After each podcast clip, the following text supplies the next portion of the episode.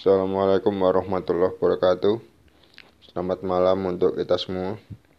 Kali ini saya akan membahas mengenai pertandingan antara Chelsea melawan Atletico Madrid pada leg kedua Liga Champions yang berlangsung tadi malam. Alhamdulillah, saya bisa melihat pertandingan itu karena pertandingan itu ber, uh, berlangsung pukul 3 malam kemarin ya jam 3 itu cukup sulit ya karena saya harus mempersiapkan waktunya. Tidak seperti jam 1 malam yang lebih mudah. Tapi jam 3 ini saya harus tidur dulu atau kadang begadang juga. Tergantung kondisi. Kembali lagi di pertandingan ini Atletico harus mengejar defisit satu gol setelah di leg pertama mereka kalah 1-0 ya di kandang sendiri. Nah di leg kedua ini Atletico tentu coba untuk menyerang karena mereka tertinggal satu gol. Tapi agar uh, diskusi ini lebih objektif, maka saya saya harus uh, mengumumkan susunan pemainnya. Untuk Chelsea sendiri dari kiper Mendy, back tengahnya ada Aspilicueta, di tengah ada hmm, Zoma ya, setelah di leg pertama Christensen yang bermain. Lalu dan di sebelah kiri ada Rudiger. Maju ke depan gelandangnya di back sayap di winger. Eh bukan. Di sayapnya ada Rhys James setelah di leg pertama ada Odoi. Di tengah ada Kante dan Kovacic dan di back kiri ada Alonso. Di depan ini uh, tidak ada Mason Mount yang harus terkena akumulasi sehingga di laga ini tidak bisa bermain posisinya digantikan oleh Havertz lalu juga ada Ziyech dan juga striker tunggal ada Werner setelah di leg pertama yang bermain Giroud ya. Nah sementara dari, dari Atletico Atletico sendiri merubah formasi di laga ini. Setelah di leg pertama menggunakan 352 namun di leg kedua ini mereka merubahnya menjadi 442 Kiper masih ada Oblak, bek kanan Trippier, di pertama tidak bermain. Di back tengah ada duet Gimenez dan Savic setelah di pertama uh, Gimenez tidak bermain. Posisinya digantikan oleh Hermoso dan Felipe ya. Keduanya tidak keduanya tidak bermain. Lalu yang kiri ada Lodi. Di depannya empat gelandang ada Lorente, di tengah ada Saul Koke dan di kiri ada Carrasco. Carrasco di leg pertama tidak bermain. Uh, dan di depan ada Suarez dan Joao Felix ya. Jalannya laga kita masuk di jalannya laga. Jalannya laga ini sebenarnya Chelsea mencoba untuk membangun serangan seperti biasa ya. Sementara Atletico saya kira mereka akan menyerang tapi di leg kedua ini mereka uh, mencoba untuk oportunis ya tidak terlalu mencoba menyerang yang berlebihan. Karena inilah gaya Atletico ya. Uh, tentu mereka uh, tidak terbiasa untuk menyerang secara uh, lepas ya. Ini Atletico lebih stuck di mana mereka formasi maintain forma, formasinya maintain di mana tidak terlalu banyak pergerakan. Mereka mencoba untuk melakukan serangan balik. Sementara Chelsea saya melihat di leg kedua sama seperti di leg, satu. Mereka di leg kedua ini Chelsea FC lebih ter, ter apa ya ter terorganisasi dan terstruktur ya. Karena jarak antar pemainnya itu dekat ya. Bahkan dengan back tengah dan gelandangnya itu rapat ya. Ini membuat aliran bolanya lebih variatif ya. Walaupun terkadang menimbulkan masalah karena ada pemain yang tumpuk-tumpuk pemain ya. Ini itu tidak baik. Tapi Chelsea berhasil mengatasi itu di laga ini. Nah, sebenarnya Atletico pada laga ini tuh eh, sangat mengecewakan ya karena saya melihat beberapa kali passing dari Atletico ini ya kurang begitu baik ya.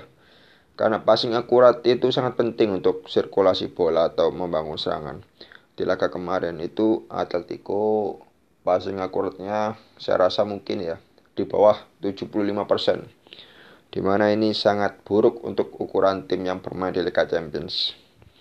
Jadi passing 75% itu mungkin dari 5 umpan ya mungkin dua atau satu yang tepat sasaran. Sementara Chelsea saya rasa passing akuratnya lebih tinggi. Entah berapa yang jelas memenuhi syarat ya. Jadi mayoritas passing pemain Chelsea itu banyak yang sampai mungkin dari lima percoba lima percobaan empatnya berhasil satu gagal. Nah, Chelsea lebih baik di akurasi umpan. Nah, Atletico ini kenapa ya tidak bisa membangun serangan dengan baik? Ada dua, dua faktor yang besar yang bisa kita pahami di sini. Ya. Yang pertama uh, lini tengah Atletico Madrid ini dihuni oleh Koke dan Saul ya pemain yang sudah lama di Atletico. Tapi di laga ini terlihat bahwa mereka berdua uh, benar kata Bung Justin ya tidak memberikan nilai tambah. Artinya nilai, nilai tambah itu pemain itu punya ini sih punya apa sih ya? Punya misalnya pemain itu cepat ya itu nilai tambah. Nah, Koke Sol ini tidak memiliki nilai tambah itu ya seperti gelandang pada umumnya ya standar standar standar standar saja maaf ya dari Koke dan Sol itu standar standar saja seperti gelandang tengah pada umumnya Nah, faktor kedua itu Chelsea apa ya, melakukan pressing yang melakukan pressing kepada Koke dan Saul ya. Sehingga ini semakin menyulitkan Koke dan Saul untuk membangun serangan. Nah, ini Koke dan Saul ini bukan gelandang yang anti press ya. Sekalinya di press itu sudah uh, kewalahan ya. Dan ini ini membuat memang uh, Atletico kesulitan ya karena untuk membangun serangan itu biasanya dari gelandang tengah. Sementara dari Atletico sendiri gelandang tengahnya itu kemarin mati ya.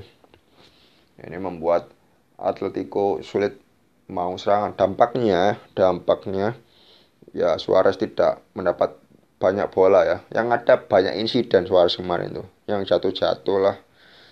Apalah ya. Yang jelas Suarez terisolasi karena Koke dan Saul kurang berhasil.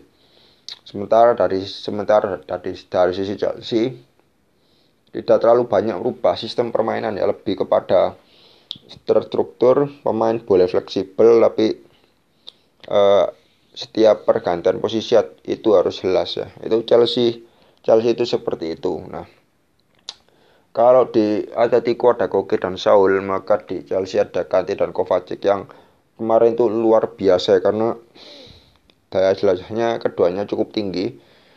Eh, bahkan Kante itu kemarin ada di mana-mana ya karena selalu bisa memotong umpan eh, memotong sirkulasi bola Atletico ya. Kovacic juga bagus dalam eh, membuat apa lepas dari pressing Atletico nah Kovacic itu bagus ya ini daripada Jorginho di laga ini cocok Kovacic dan Kante memang nah ya banyak dari pemain Atletico di laga ini tidak berkembang ya. Mungkin pemain yang bagus menonjol itu Carrasco ya. Di laga ini cukup merepotkan. Joveles juga lumayan. Suarez agak tenggelam di laga ini.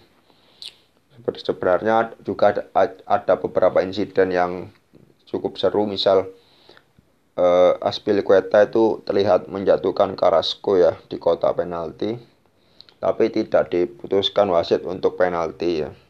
Kalau saya melihatnya mungkin itu bisa penalti ya, tapi saya melihat bahwa satu ya bolanya itu terlalu jauh dari eh, apa dari penguasaannya Carrasco dan kedua bola itu arahnya lebih dekat ke kiper ya sehingga kalaupun Aspilicueta nggak narik lengannya Carrasco itu mungkin kiper masih bisa untuk memotongnya dengan sliding itu masih bisa. Nah itu mungkin uh, apa sih namanya pemikiran pemikiran wasit bahwa bola itu 50-50 nggak sepenuhnya dikuasai Carrasco nah itu yang membuat penalti ini tidak dapat dilakukan saya melihatnya seperti itu.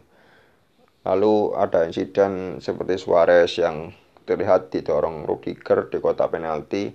Ya tapi saya melihat bahwa ya itu ya mungkin bisa penalti tapi di laga itu tidak dilakukan. Dan yang paling krusial adalah kartu merah. Stefan Savic pemain bertahan Atletico memang itu tidak perlu ya karena mengikut ya layak kartu merah. Dan juga gol terakhir dari Chelsea melalui Emerson.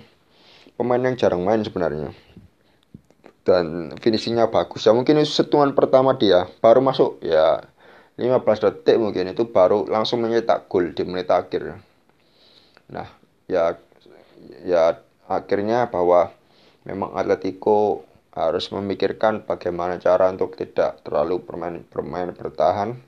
Sementara Chelsea harus mempertahankan gaya bermain seperti ini karena ini menjadi DNA baru Chelsea bersama Tuchel yang bermain lebih terstruktur, pergantian posisi pemain lebih jelas lagi dan juga uh, cara pemainnya itu dekat dan juga uh, sistem bertahan dengan pressing yang fleksibel akan menjadi Chelsea yang baru, menggantikan era Lampard. Ya, sekian dari saya ya. Semoga ini bermanfaat untuk kita semua. Assalamualaikum warahmatullahi wabarakatuh. Selamat, selamat malam.